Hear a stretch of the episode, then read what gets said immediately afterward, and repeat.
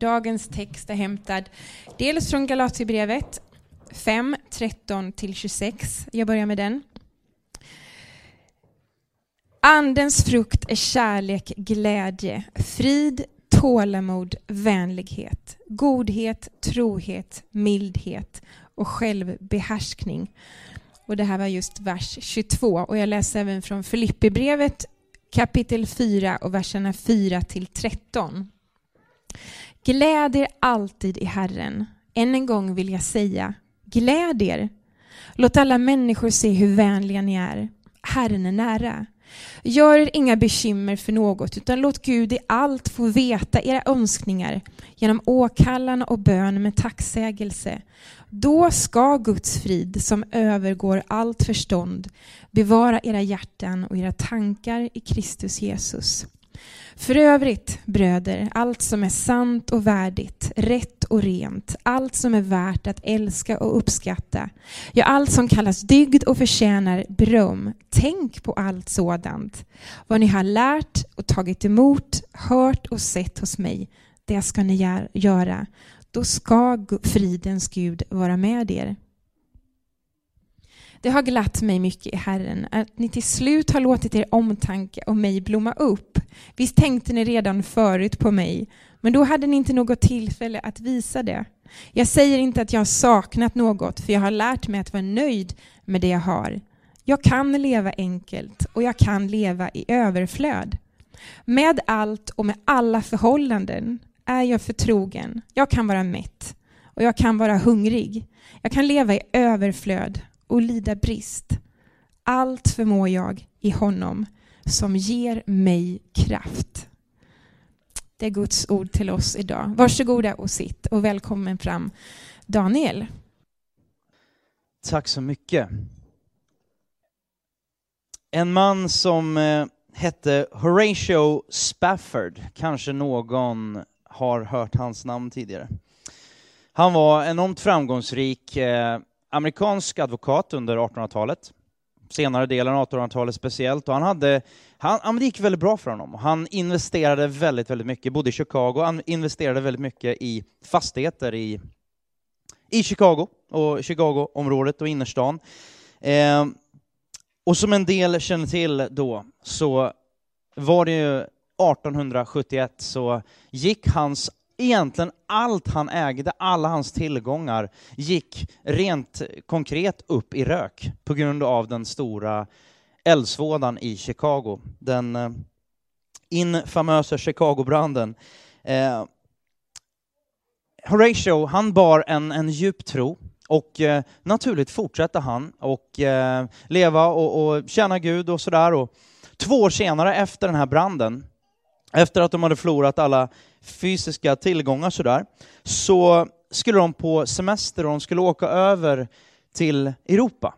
Och i sista stund så ändrar han sina planer och skickar därmed iväg sin fru och sina fyra döttrar eh, på ett skepp över till England. Och eh, på vägen över Atlanten så kolliderar det här skeppet med ett annat skepp. Och det sjunker oerhört snabbt. Och det är väldigt, väldigt tragiskt. Hans fyra döttrar drunknar, hans fru överlever, blir upphämtad, hon är medvetslös, blev uppfiskad då av, av någon som var i närheten och kommer och bli, blir tagen till fastlandet och där får hon tag i en telegraf. Det är inte direkt att bara dra ett mess eller skicka ett Facebook-meddelande utan få tag i en telegraf. Och det var något kortare än Twitter, hon hade två ord på sig. Och då skickade hon meddelande till Horatio, så skrev hon ”räddad ensam”. Han blir naturligtvis helt förkrossad. Men tar sig över och han måste åka och hämta sin fru. Så han sätter sig på en båt som tar, över honom, tar honom över Atlanten där hans fyra döttrar nu ligger i djupet någonstans. Och han skriver en psalm. Första gången jag kom, kom i kontakt med den här salmen så var det ett gäng äldre, ett par äldre människor. Jag bodde i England och var pastor där under ett antal år. Och då var det alltid sådär, de frågade liksom bara, hur är det med dig? Liksom. De kom och la armen runt den och så här, vi ber för dig. Och, hur är det med dig? Och så ställde man frågan tillbaka. Och då visste jag, det var några av dem som, livet är hårt. Livet, man möter svårigheter och så vidare. Och flera gånger, jag förstod inte riktigt i början sådär, för jag, de svarade alltid med samma ord. It is well, it is well, it is well with my soul. Och han skriver de här orden som jag får reda på att det är han som har myntat de här orden. Och bara för att eh, den här låten då, eller salmen, It is well with my soul. De här orden skriver han och den är väldigt lång, men bara låt mig läsa första, första strofen. When peace like a, a river attendeth my way, when sorrows like sea billows roll, whatever my lot, thou hast taught me to know or say, It is well, it is well with my soul. Idag ska vi tala, och idag vill jag tala till er om frid. Frid, ett lugn. Egentligen så handlar det nog i grund och botten om att ha frid. Frid och fred är ju egentligen samma ord. Det är inte krig, det är inte schism. Utan det är liksom synergi, det är, det är liv och det är relation. Och egentligen så handlar nog hela Galaterbrevet, det som vi utgår ifrån, och Andens frukt, det handlar om och bottnar i att vi har frid med Gud. Frid, vi har fred. Det råder inte krig mellan oss och världens skapare. Tidningen Personal, eller Personnel Journal rapporterade för ett antal år sedan eh, att så långt man kan datera tillbaka i historien så har världen haft fred mindre än 8 procent av tiden. I sin studie upptäcktes tidskriften då att av 305, eh, 3530 år har det varit fred under endast 286 år. Dessutom har över 8000 fredsavtal skrivits som också har brutits. Under tiden har under den här perioden då på 3530 år har man räknat ut, jag vet inte hur exakt den här siffran är, men eh, att det ägt rum 14 531 olika krig. Stora och små. Och inte mindre än 3 miljarder 640, miljoner... 640 vad blir det, miljoner människor har dödats under de här krigen. Därför ska vi tala om frid och fred idag. För det handlar ju någonstans, vi kommer inte att prata om fred långt där borta. Utan precis som jag faktiskt har förklarat för våra barn, man försöker vara lite pedagogisk sådär, när de bråkar, och så undrar de samtidigt varför är det krig på jorden? Då är det liksom så här, nej men det börjar ju med det här. Det börjar ju med att vi inte kan mötas. Och då blir det liksom på olika nivåer, självklart. Men liksom när de får upp ögonen för det där så bara oj, det här är liksom samma sak bara på väldigt, väldigt mycket större nivå och det påverkar så enormt mycket människor. Jag kommer prata om innebörden av Guds frid, hur vi kan växa i Guds frid och sen fridens hemlighet. Bibeln skiljer ganska tydligt på, om vi börjar med innebörden av Guds frid. Bibeln skiljer ganska tydligt på att bara så här hålla ihop sig själv. Att vara självbehärskad, kontrollera och kunna liksom så här, nej men jag, jag, jag har koll. Jag har kontroll. Liksom den, man trycker tillbaka den ganska naturliga självupptagenheten, jag vet inte om någon fler har den. Osäkerheten, och du kan kontrollera den med din egen viljestyrka till en viss del. Men Bibeln talar om någonting annat och, och skiljer på den typen av självbehärskning, liksom kontrollerat eh, sådär, med att faktiskt allting och Guds frid tar över och det bottnar i ett förvandlat hjärta. Och jag vet inte vad du tänker, men jag hör om Horatio när han skriver en sån, hur kan man skriva en sån psalm i ett sånt läge? Det är väl, det är väl med min själ. Hur är det möjligt? Det är bara möjligt, vågar jag säga, om du har ett förvandlat hjärta. Du har mött någon som har förvandlat ditt liv. Det är ologiskt. Det var ingen som bad honom. Det var ingenting, jag tror inte att han satt där och bara, den här sången kommer nog många citera sen, så det kommer se bra ut i mitt CV. Det var nog inte riktigt det läget. Han har blivit av med sin, allt han äger först, sin son hade dött, eller hans son hade dött tidigare i någon sjukdom, och så dör alla hans, så hans fem barn dör och kvar är han och hans fru. Och han skriver, det är väl med min själ. Antingen så är det något väldigt knäppt i den personen, eller så är det någonting som är väldigt rätt. Samma situation här då ser vi på något sätt, liksom Paulus, han, han skriver till, till de kristna i Filippi. Och han skriver så här i, i kapitel 4, då, vers 11-13. Jag säger inte att jag har saknat någonting, för jag har lärt mig att vara nöjd med det jag har. Det kan ju vara en nöjdhet och en så här, bara belåtenhet och bara, ja, jag behöver inget annat. Men han, det är någonting annat. Han går vidare, han säger, jag kan leva enkelt och jag kan leva i överflöd. Med allt och med alla förhållanden är jag förtrogen, för jag lever inte för det här. Jag lever inte för det här, jag, jag har uppfyllts av någonting annat.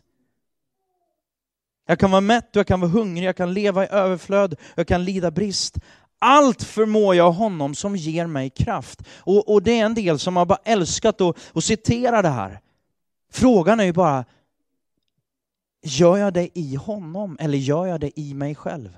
Gör jag det i hans kraft för att jag blir förvandlad eller gör jag det i egen kraft för att jag, så länge jag kan kontrollera läget, då är jag okej. Okay. Så många av oss lever så. Jag lever alldeles för mycket så. Han befinner sig här i fängelse, Paulus. Hur kan man säga då de här orden? Och Brad predikade så utomordentligt förra veckan om, om, om, om glädje, och det här hör ihop. Det börjar, hela dagens text börjar ju med Gläd er alltid i Herren. Det är inte olika delar av den här frukten, eller olika frukter, utan det är en frukt och där, det, det, är en tydlig del. Hur kan man säga, hur kan han säga att du ska ha ett leende på läpparna när man sitter i fängelse? Det kanske inte främst är på läpparna, utan i hjärtat. För att han var en viss person, han, var, han hade så lätt för sig, är det det han säger? Han hade så lätt för sig alltid och det bara gick hans väg. Liksom. Det, alla gjorde som han ville. Ah, då skulle han ju inte suttit i fängelse, karln. Han skulle inte blivit stenad och lidit skeppsbrott och blivit pryglad sånär som på liksom, dödsstraff. Utan någonstans så pratar han om någonting annat. Och han är faktiskt inne på att det går att lära sig frid. Det är intressant. Om man tittar lite grann då runt i självhjälpssektionerna på, i våra bokhandlar. Har ni varit där? Det är väldigt mycket själv. Bearbeta dig själv, hitta dig själv, liksom, eh, plocka fram det bästa ur dig själv, maximera dig själv, eh, förverkliga dig själv. Eh, det är mycket själv och det finns säkert en del eh, saker man kan lära sig där. så. Men det finns ju också tydliga så här, metoder. Så här ska du göra för att inte oroa dig. Eh, lär dig en sträng disciplin och sluta tänka på det som oroar dig. Sluta tänka på dåliga saker. Tryck undan det som är dåligt. Bara, är ni med? Jobba bort det. Det finns tekniker för det här. Jag ska inte gå in på någon av det. Jag är inte så bra på just de teknikerna. Eh, men sann frid som Bibeln lyfter fram, det är ju inte en frånvaro av tankar som skulle kunna oroa dig, liksom, bara slå dövörat till. Utan någonstans så hittar man ett läge där nästan vad som än kommer min väg så kommer jag kunna stå kvar.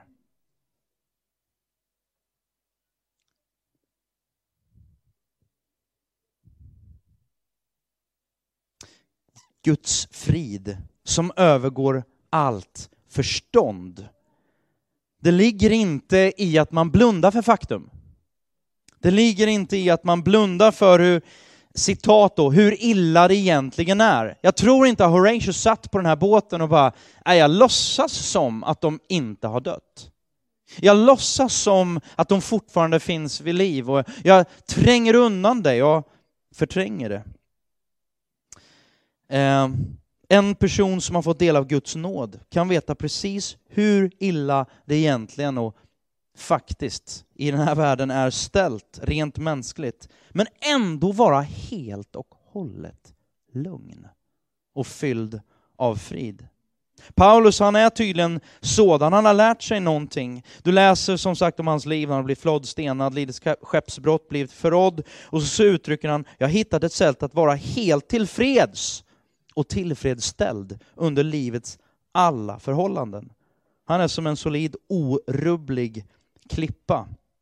Guds karaktär, Guds frid och fridens karaktär, den driver ju ut all oro. Jag vet inte om ni har mött människor som bara tycks vara fyllda med någonting som bara, den här världen rår inte riktigt på dig. Vad som än kommer, vad som än händer, du kan vara ledsen, du kan vara... Man är nog definitivt ödmjuk. Men någonstans har man en styrka och den ligger inte i min egen förträfflighet eller min egen förmåga att kunna kontrollera situationen.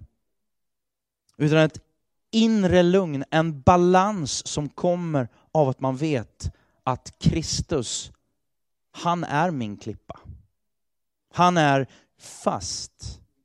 Det finns en enda sak, jag kommer in på det alldeles strax, men det finns en enda sak som inte kommer förändras och det är Gud. Allt annat, allt annat kommer att svaja. Allt annat kommer att falla en dag. Och man kan läsa i Bibeln naturligtvis om, om en massa personer som har gått före i det här passionerade människor.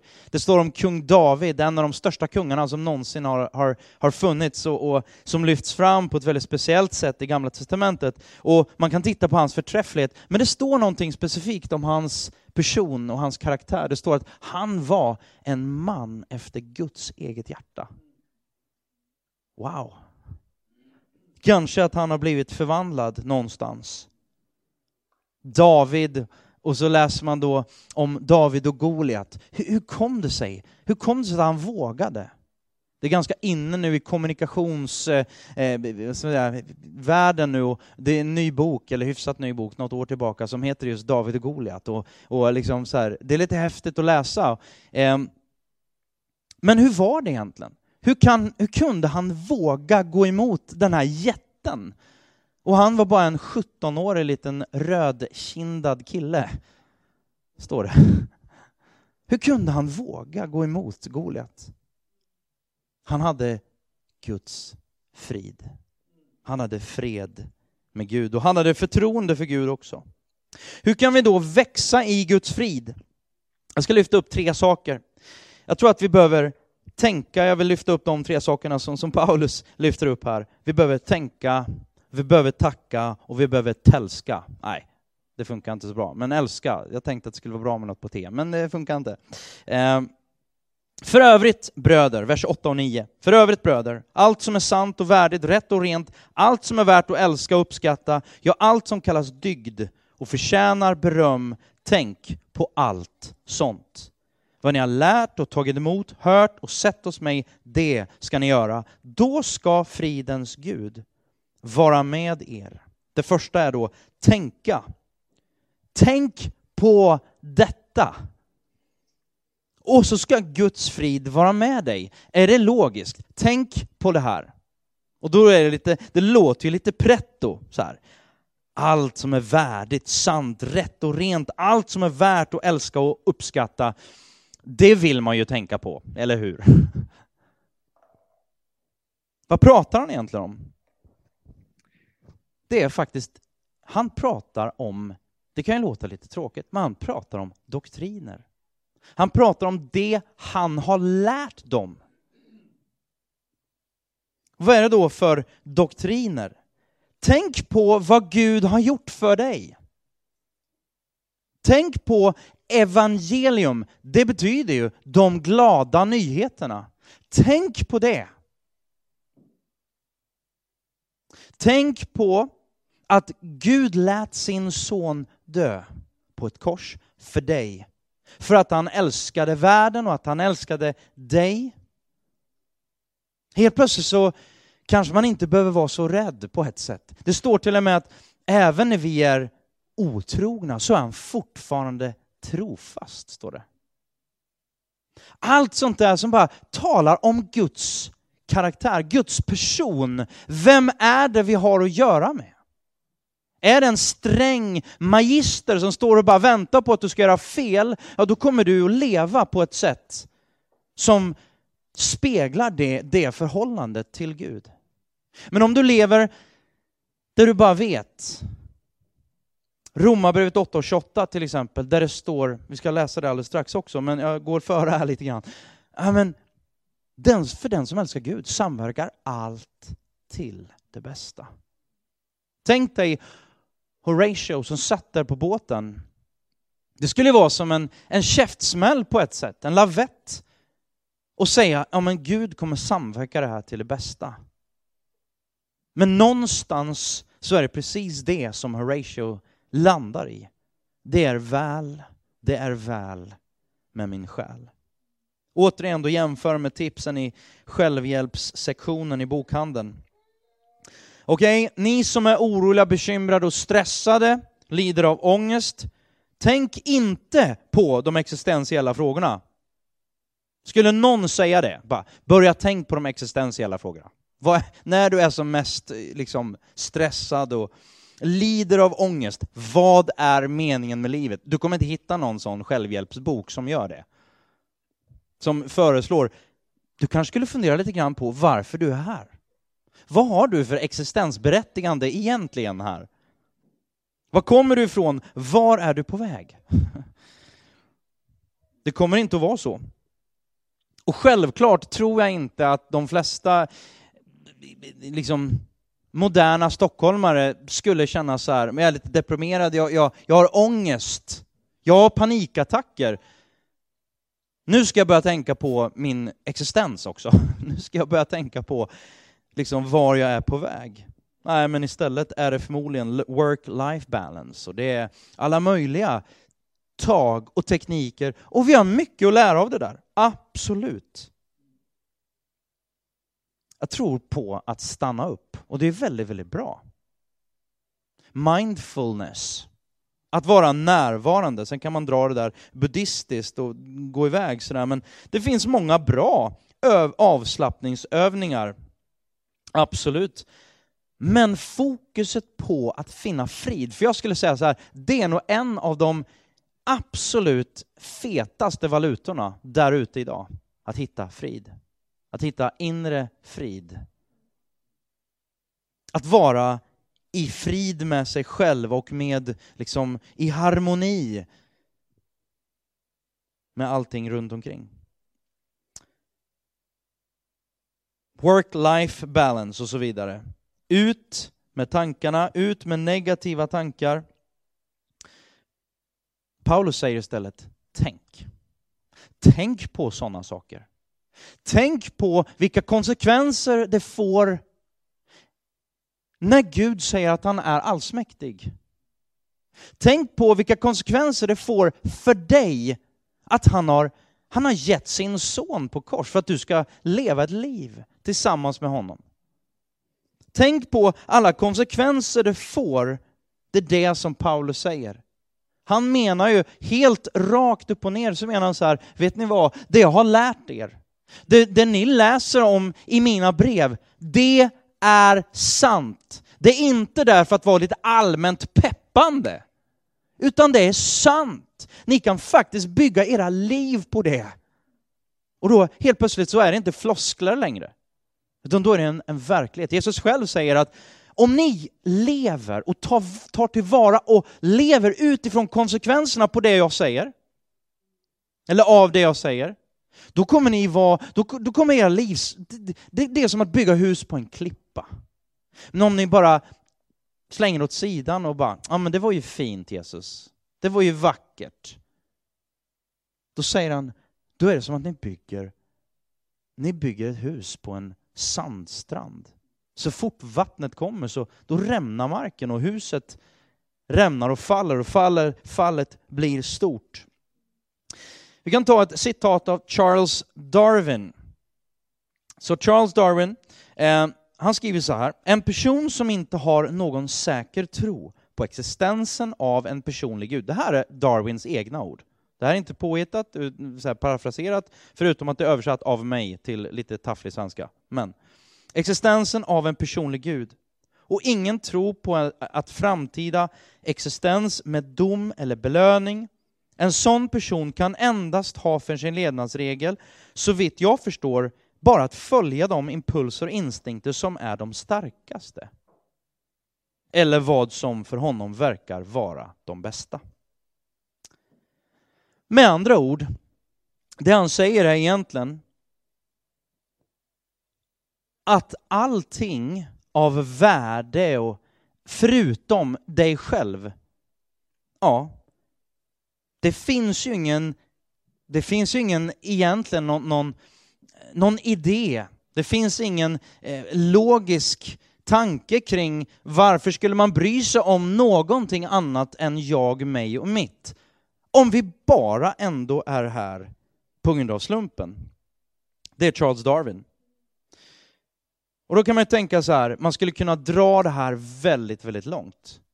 Eh, folk har ju dragit det här ganska långt och bara så här, nej men säger, men faktum är att, nej men då är det ju ingen skillnad på dig och en sten. Eller dig och en orm. Så om ormen dödar dig eller om du dödar ormen och, och liksom båda inte kan få plats, ja det, det spelar ju ingen roll. Det är naturens gång. Även om du inte kanske drar den morbida slutsatsen, fast du delar samma trosuppfattning som Darwin då, då spelar det faktiskt ingen roll. Eh, man tänker, jag skulle säga så här, då har vi helt enkelt inte tänkt igenom konsekvenserna av vår trosuppfattning. Det är det som, det, det, eh, det är det som Paulus säger och går vidare. Det finns egentligen ingenting som är rätt och fel då. Om inte det finns en gud, om vi bara är här slump, eh, då finns det ju inget som är rätt och fel. Och, och Paulus skulle nog säga, då finns det heller ingen poäng med livet. Paulus menar att kristen tro, det är precis tvärtom. Vår frid kommer just av att vi tänker på konsekvenserna av det vi tror på. På doktrinen. Gud skapade oss. Gud skapade en perfekt värld. Den är sönderbruten, men han har lovat att han ska göra allting vackert igen. Vad får, vad, vad får det för konsekvenser i mitt liv 2016, även i Stockholm idag? Det bör ju rimligtvis få någon konsekvens. Och då handlar det inte om att liksom, man ska ställa sig med, med ris på ryggen. Det blir väldigt märkligt egentligen.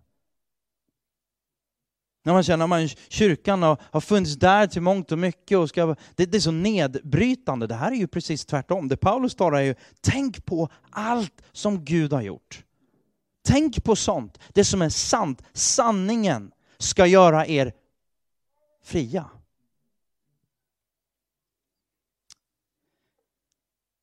Tänk, tänk på de här lärorna, de läror som, som... Och det är därför vi vill undervisa läror, vi vill undervisa eh, stabilit, stabila, ja, men lägga ut texten kring Guds sanningar helt enkelt. Doktriner där, där, som går att och, och faktiskt bygga sina liv på.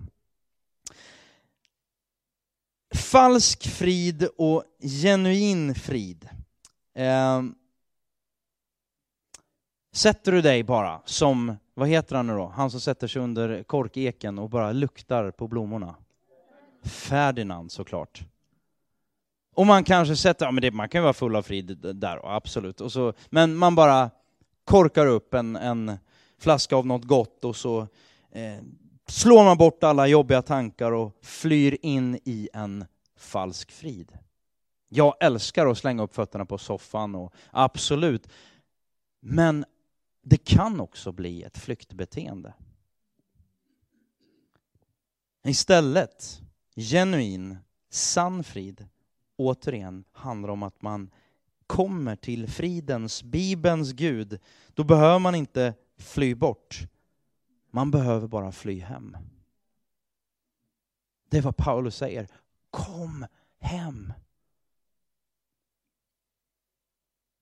Jag vill bara kort nämna också att lider man av depression, det jag säger är inte liksom att förenkla och bara trivialisera, att det bara, nej men det är bara att tänka rätt här nu. Det handlar om att grundläggande förstå vem Gud är och utifrån det tolka den här världen. Att, att tänka, vilka konsekvenser får det om Gud är allsmäktig och han älskar mig och det står att om Gud är för mig, vem kan då vara emot mig? Helt plötsligt så bara, vad får det för konsekvenser? Min chef är emot mig på jobbet, hela, hela jobbet är emot mig. Hela den här världen är emot mig, men Gud är ju för mig. Vad får det för konsekvenser? Får det konsekvenser att allt löser sig? Att mina kemiska balanser eller imbalanser i hjärnan eh, som gör att jag faktiskt mår dåligt, att det ändras. Nej, det kanske det inte gör. Så jag vill absolut inte trivialisera någonting. Men det tar ändå inte bort sanningen som är den att Guds sanning bör få och kan få enorma konsekvenser för oss. Han säger tacka i vers 6. Gör er inga bekymmer för något, utan låt Gud i allt få veta era önskningar genom åkallan och bön med tacksägelse. Det där är ju jobbigt. Att börja tacka för någonting. Tacka i en situation som man kanske inte tycker är fantastisk. Man kanske till och med tycker att den är fruktansvärd. Det står inte att du ska tacka Gud efter att du har fått bönesvar. Come on. Eller hur?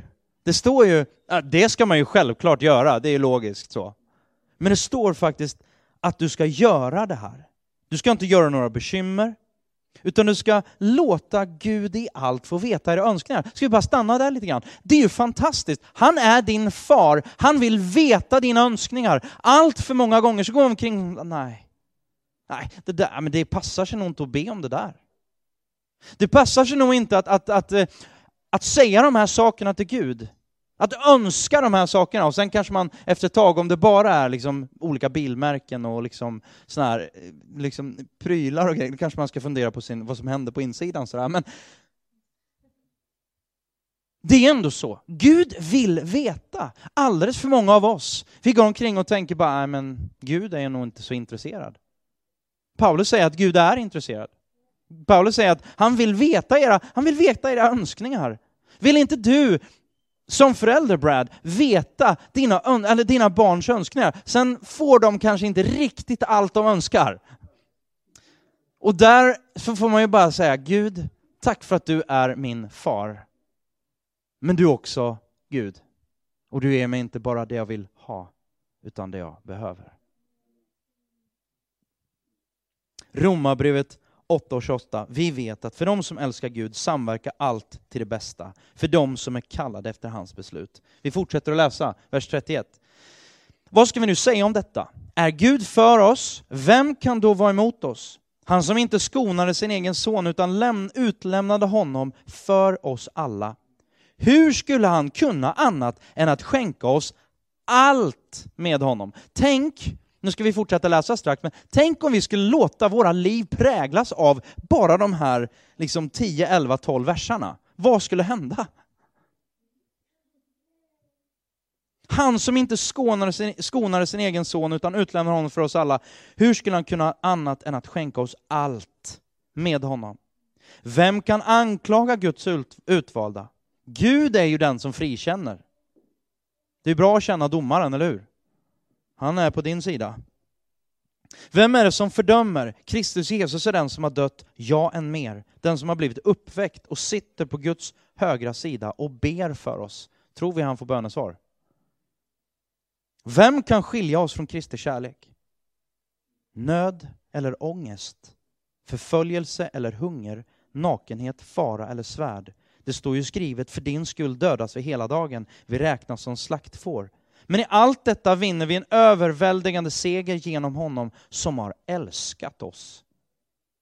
Ty jag är viss om att varken död eller liv, varken änglar eller förstar, varken något som nu är eller något som ska komma, varken makter, höjd eller djup eller något annat skapat ska kunna skilja oss från Guds kärlek i Kristus Jesus, vår Herre.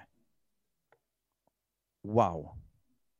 Tänk om vi skulle leva våra liv utifrån det här och låta det få prägla oss. Att det fick... Vilka konsekvenser det skulle få. Du kanske sitter i en otroligt jobbig, tuff situation. Men för den som älskar Gud så arbetar han ut sitt goda. Kanske inte ditt goda, men sitt goda. Och det är mycket godare. Han arbetar ut det i ditt liv. Sista biten, älska. Allt, vers 8, allt som är värt att älska och uppskatta. De, de två första, tänk och tack. Tänka och tacka, det har med sinnet att göra. Och den här tredje då, att älska, det har ju med hjärtat att göra naturligtvis. Och någonstans, det här handlar ju om attraktion. En relation. Att älska Kristus. Kärlek, det bygger inte på känslor, men det involverar väl också våra hjärtan, våra varelser, vår passion. Tänk om det skulle få ännu större konsekvenser i våra liv. Eh, hur kan du le leva ett liv i belåtenhet? Eh, han säger ju det, Paulus. Jag vill leva enkelt, jag kan leva enkelt, jag kan leva i överflöd. Med allt och med alla förhållanden är jag förtrogen. Jag kan vara mätt och hungrig, jag kan leva i överflöd och lida brist. Men det handlar om en Gud som är personlig och som älskar. Och han säger, tro på mig. Tro på mig. Lita på mig. Ha förtroende för att det jag säger stämmer. Fridens hemlighet. Då ska Guds frid som övergår allt förstånd bevara era hjärtan och era tankar i Kristus Jesus. Paulus han säger egentligen, om du älskar någon eller något mer än du älskar Gud, då kommer ditt liv vara, och du kommer vara sån. Där du kastas hit och dit, som en liten, liten båt på, på Atlanten och havets stora vågor kommer bara kasta dig fram och tillbaka. Och det Paulus säger är, se till att du sitter och står fast förankrad på klippan. It is well, it is well, it is well with my soul. Jag vill avsluta med bara kort hemligheten när du möter en människa eller själv kanske upplevt någon gång där utifrån rådande omständigheter borde du inte gå omkring och tänka liksom, just nu har jag frid. Några tillfällen har jag varit med om det själv. Ett tillfälle som jag har berättat om tidigare, så ni som har hört det får väl hålla till tåls. Jag berättade det, jag var i Avesta och predikade förra helgen, eh, så det är någon som har hört det där också. Ehm, för jag berättar en kort story då. Min pappa var sjuk i cancer för ett antal år sedan och eh, jag var iväg, eh, bodde i London då, eh, hade varit hemma och åkte tillbaka till London och så fick jag det här telefonsamtalet som ingen vill få. Mamma ringer och hon snyftar bara telefon och säger du måste komma hem. De är ett pappa 24 till 48 timmar. Long story kort, jag åker hem till, till Sverige, åker hem till lilla Motala. Pappa ligger där på, på sjukhuset. Jag kommer in och möter honom i sjuksängen där och det är slangar och det är, liksom, det är apparater och det är allt möjligt där. Och mamma sitter där bredvid hans säng och det är tungt liksom.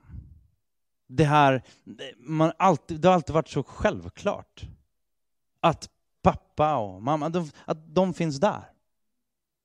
I alla fall så, jag sätter mig bredvid pappa och vi sitter och pratar. Och, eh, han pratar inte någonting, han är full med morfin så han kan inte prata så mycket. Men jag sitter och pratar med mamma. Och dagen går, kvällen kommer, jag säger till mamma, du, hon var helt slut. Jag är helt slut, suttit och vakat där dag ut och dag in. Och jag sa att åk hem du, så sover jag över. Så jag sov på pappas sjukrum där och det var sån här sluss emellan, man fick inte gå ut, in och ut för det var bakterier. Och, eh, eller rättare sagt, det fick inte vara några bakterier. Um, första natten, jag la mig med, med, med headphones för jag kunde inte sova. Så jag lyssnade på musik. Um, lovsång samtidigt och, till slut somnade jag och så gick första dagen, så gick andra dagen och varje morgon så kom läkarna in och gjorde, tog tester och gjorde blodprov och allt vad de gjorde för någonting. Och så de gick ronden och så kom det tillbaka någon timme senare och så här, så här ser det ut och den här utvecklingen ser vi. Det var ingen utveckling, det var bara zero. Um, och de hade inget hopp. De hade till och med skrivit HLR är lika med noll, hjärt-lungräddning. De skulle inte ens försöka återuppliva om det skulle blivit ett hjärt, hjärtstillestånd eller någonting. Um, dagarna gick, det blev mer än 48 timmar och tre dagar senare så var det ännu en natt och jag ligger där i, i, i ena, på ena, ena hörnet av, av hans rum och jag hade satt på mig mina headphones, ganska hög musik för jag, det var så mycket ljud från honom och rosslande och maskiner och grejer så, så jag bara drog på ganska högt. Somnade och så vaknade jag upp mitt i natten, jag tror hon var tre eller något där, av att pappa står upp. Och det var ju så här bara, hur kunde han överhuvudtaget få kraft, energi att stå upp? Han stod upp, det var slangar och det var rör och det var allt möjligt som hängde därefter. Och då hade han gått in med en sån här Zimmerframe, en sån bock, i min, i min stålsäng. Så här. Och det bara tjongade till, så jag vaknade upp av det här tjonget. Och på något sätt så trasslade jag in honom på toaletten och idag vet jag inte varför jag inte kontaktade sjuksköterskan, men det gjorde jag inte, utan det bara så här. Ja, det, var, det var en hemsk upplevelse helt enkelt. Jag fick in honom, och efteråt, jag stängde dörren på toaletten och bara, jag vet inte, jag fick in honom där i alla fall. Och då, då bara kom det över mig, och nu, nu, nu, nu coolar han. Jag kastar mig vid min säng och kastar mig på knä. Böjer knä, och då, och då är det inte liksom sådär, man ber en liten fin bön. Utan jag ropade till Gud. Bara, Gud, låt min pappa få leva. Och så kommer jag ihåg att jag bad exakt de här orden. Gör läkarna förvånade där och då så hände någonting. Jag satt på knä, jag kommer ihåg det så väl. Jag sitter på knä och jag är, jag är djupt bedrövad naturligtvis. Älskar min, min älskade pappa, lider något oerhört och, och läkarna säger att han, han är utdömd. Där och då händer någonting. Jag sitter där och på mina knän och är oerhört skärrad mitt i alltihop. Helt plötsligt så bara kommer ett, en enorm, ett enormt lugn över mig. Och jag skulle faktiskt kunna säga, det kom en enorm glädje som vällde upp från insidan. Och ärligt talat, på riktigt, de första orden, eller första tankarna jag fick när jag insåg att nu händer någonting, det var bara, du är sjuk. Du är en sjuk människa, Daniel. Liksom, du sitter här och är fylld, bara, det kommer glädje. Pappa överlevde och han fyller 75 bast i, i sommar. Det är ju fantastiskt. Och jag inser att det inte alltid blir så. Slutet blir inte alltid så. Gud är mäktig, Gud botar, Gud helar. Det är inte konstigt när han har skapat hela universum. Det är rätt logiskt. Men poängen där var att jag kände nog, upplevde och fick, fick verkligen påtagligt själv uppleva hemligheten med Guds frid som övergår allt förstånd. Och jag skulle önska för dig och för mig att vi i vardagen, när vi pluggar, när vi går till jobbet, när vi är hemma och byter blöjor, när vi lagar mat, när vi städar, när vi lever våra liv med våra grannar och när vi lever livet. Tänk om vi skulle bli, vara lite mer medvetna om det som är tillgängligt av Guds frid. Då är min fråga till dig då, har du fred med Gud? Annars, se till att du får, där, får det. Hans armar är utsträckta.